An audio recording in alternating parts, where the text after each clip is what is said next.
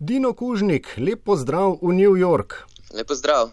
Najprej k slonu, ki no, ni še v sobi, je še pred vrati ta trenutek, ko se pogovarjava, eh, čeprav se ne bi predolgo zadrževala pri tej temi, inauguracija novega predsednika Združenih držav Josefa Bidna. Kako jo pričakujejo v liberalnem New Yorku in kako vi osebno doživljate eh, razgreto politično dogajanje v državi? Eh, televizijo ste že nehali gledati?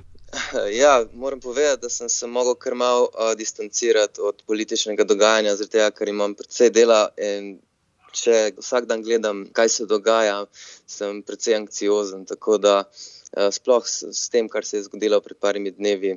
Ampak v New Yorku mislim, da so ljudje več kot ne bolj optimistični in čakajo na ta prenos moči na Joe Bidna. In so predvsem veseli, da ne bojo več videli Trumpa. No.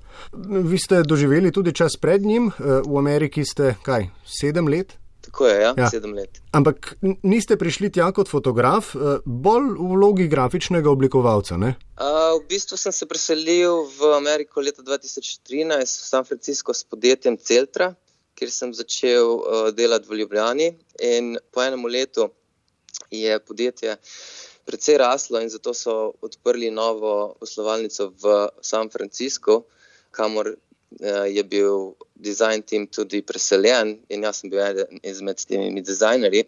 Na kar sem po parih letih dela tam prišel na fotografijo. Ves čas vas uh, spremlja fotoaparat, uh, najraje analogni, ampak to je bilo nekaj časa potisnjeno v ozadje, kaj ne? Uh, zaradi denarja? Uh, tako je, ja. Mislim, kot študent v Ljubljani sem delal v žurnalistični fotografiji kot retušer in asistent v studiu, ampak ker sem se precej težko preživljal s tem, sem se bolj usmeril v poklic uh, grafičnega dizajnerja in potem tudi kasneje našel zaposlitev. Ki me je kasneje peljala v Ameriko. Ne. Ampak moram povedati, da sem med tem časom zmeraj uh, fotografiral večinoma svoje projekte in serije, ampak to je bil nekako moj um, kreativni izliv, bi temu rekel. Noben mi ni rekel, kaj točno moram fotografirati. Tako da sem se temu posvetil kot, kako bi temu rekel, nekaj, kar me je dopolnjevalo, kar mi je dalo neko rast. In tako je ta neka strast do tega napredovala, posledično do moje prve knjige, in ljudje so me začeli kontaktirati. Za delo, tako da se je nekako prelevila iz neke osebne strasti v kasneje tudi v primarno eh, dejavnost, kateri se posvečam zdaj ekskluzivno. Ja, zadnjih par let, zadnjih nekaj mesecev pa ste se spet vrnili k grafičnemu oblikovanju zaradi prikladnosti, verjetno, dobičkonosnosti. Ja, tako je. Leto 2020 je bilo precej. Ni bilo lahko za freelancerje, tako bi rekel, za samostojne podjetnike. Ne. Kar nekaj projektov je bilo preklicanih zaradi lockdowna, tako da pač nekako sem se mogel znašati na srečo. Je bil to grafični dizajn in pa seveda tudi a, za prodajo printov se sem nekako rešil. No. Kako je sicer zdaj videti vaš del mesta? Mislim, čeprav vemo, da je tako bolj priseljensko obarvan, uh, skoraj ničnim deležem temnopolte populacije še lahko dodamo, glede na to, da gre za Brooklyn. Uh, no, kako je bil videti sicer in kako se je spremenil utrip med epidemijo v primerjavi s prej? Uh, je razlika, seveda, ni, ni velikih eventov in zbiranja. Ne? Naprimer, poleti je bilo zmeraj veliko koncertov, v parku smo imeli zunani kino nikoli ne spita del, ne, tako bom rekel. Ampak je, je videti razliko, ampak ljudje so se znašli in nekako našli neke nove inspiracije. Ne. Ker le ima ta del veliko umetnikov, veliko kreativcev, tako da mislim, da smo se vsi nekako privadili na to novo normalno. Ja. Kaj pa ta nedorečeni občutek praznine, eh, občutek, da je čas na neki način obstal, vas ne navdihuje v smislu, da bi fotografirali podobe ulic, eh, začasno ali trajno opuščenih gostinskih obratov, trgovin v času epidemije. Je to nekaj takega, no, kar vas zanima, ali je to nekaj takega, kar bodo počeli vsi fotografi, ki eh, zdaj v času korona krize ne vedo, kaj bi, pa vas torej ne zanima?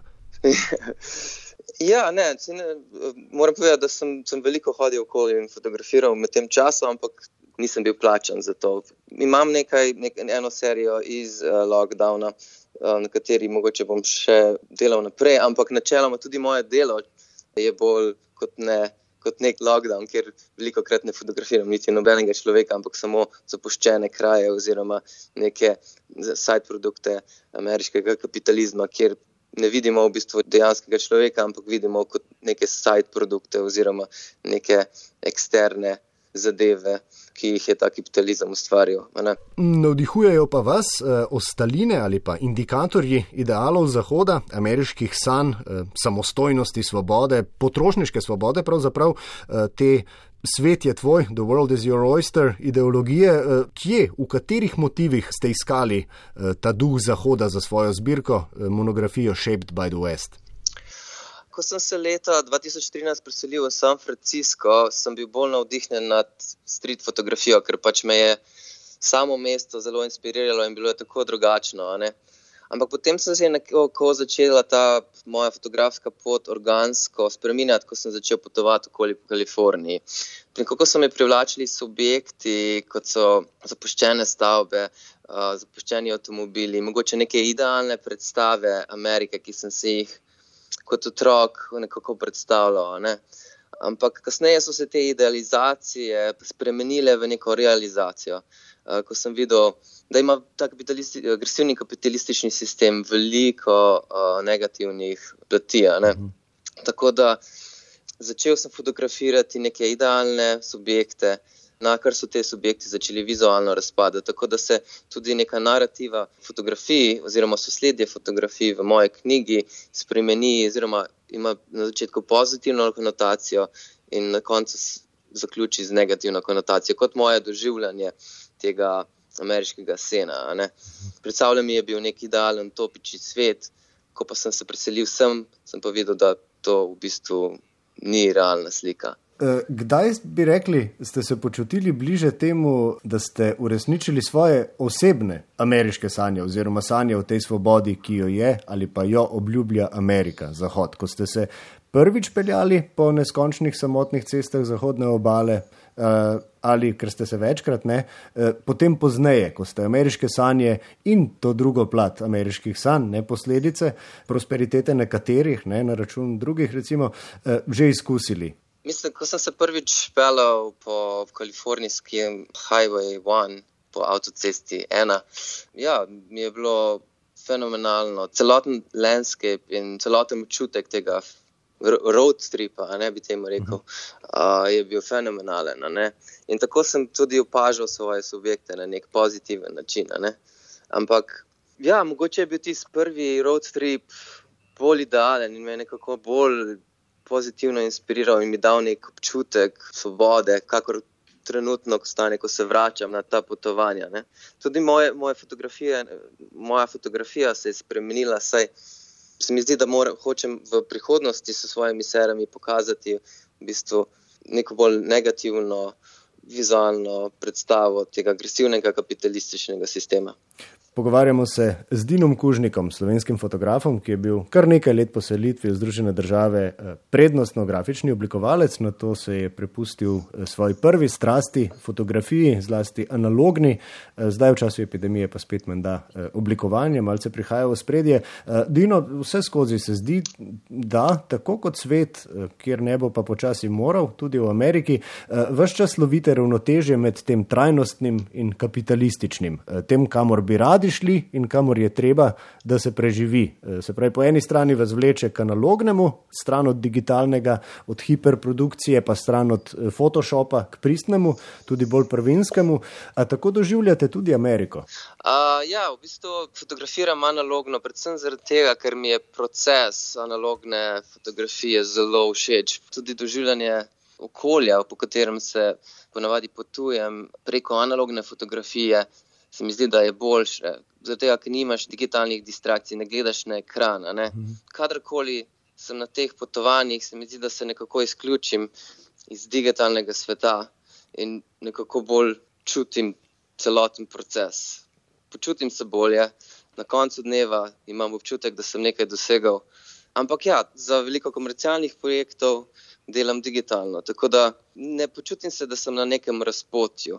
Samo uporabljam dve različni tehniki za zajemanje fotografije. Uh, ko smo pri komercialno uspešnejših projektih uh, in bolj digitalnih, ne, širša slovenska javnost, uh -huh. no, kakor tudi ameriška, si predstavljam, vas je spoznala lani, potem ko je v stik z vami kar prek Instagrama stopil takratni dobitnik Gremija za najboljši hip-hop album Tyler the Creator. Človek bi si mislil, da profesionalna komunikacija na tej svetovno-zvezdniški ravni poteka manj neposredno. Ja, Tyler me je kontaktiral preko Instagrama in mi rekel, da bi rad fotografiral z mano, ker je videl moje fotke. Pred izdajo svojega novega albuma je hotel nekaj image fotk, ki bi jih lahko uporabil v knjigi, ki naj bi šla ob albumu.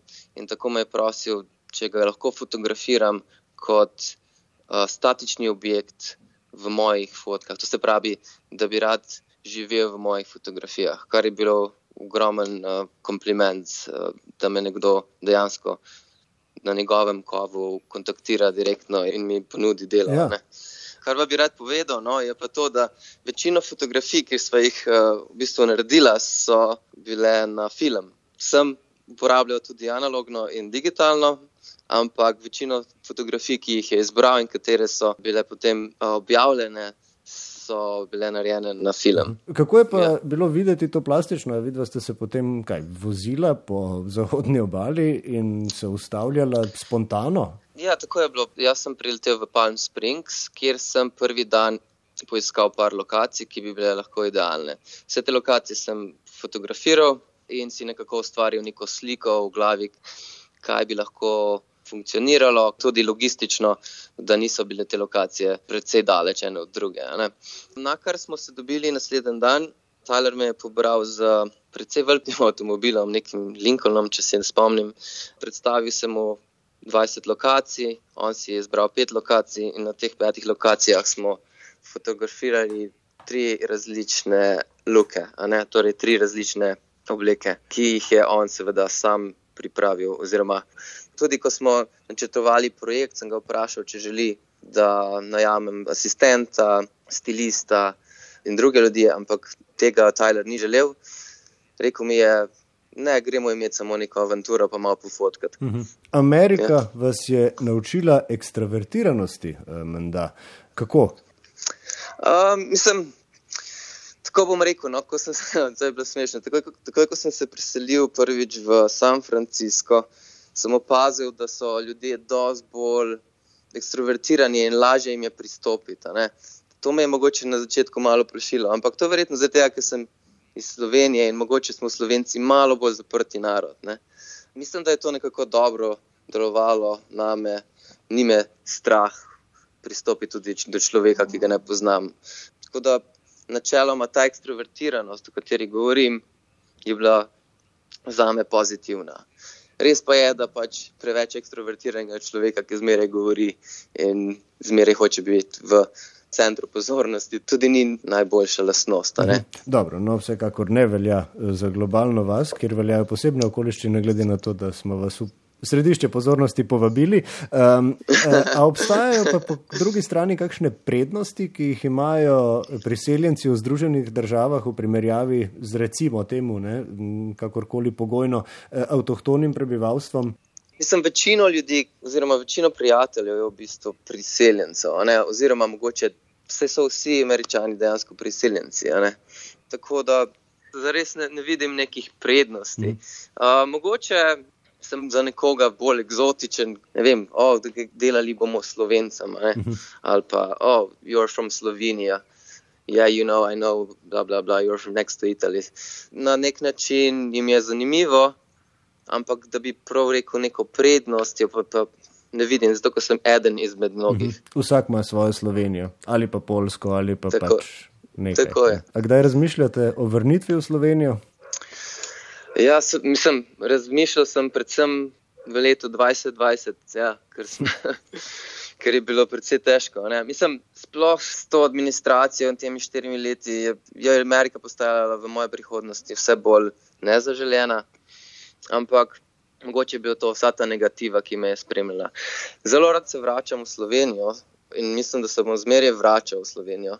Ne verjamem pa, da se bom vrnil za zmeraj. Ker? Tudi če se bom vrnil v Evropo, se mi zdi, da, bom, da bi rad raziskal še neko drugo mesto oziroma skušal živeti še nekje druge. Prav, pošteno. Dino Kožnik, eh, hvala za izkušnje, razmisleke, pomisleke in ostalo. Eh, lepo zdrav v New York. Lepo zdrav tudi vam.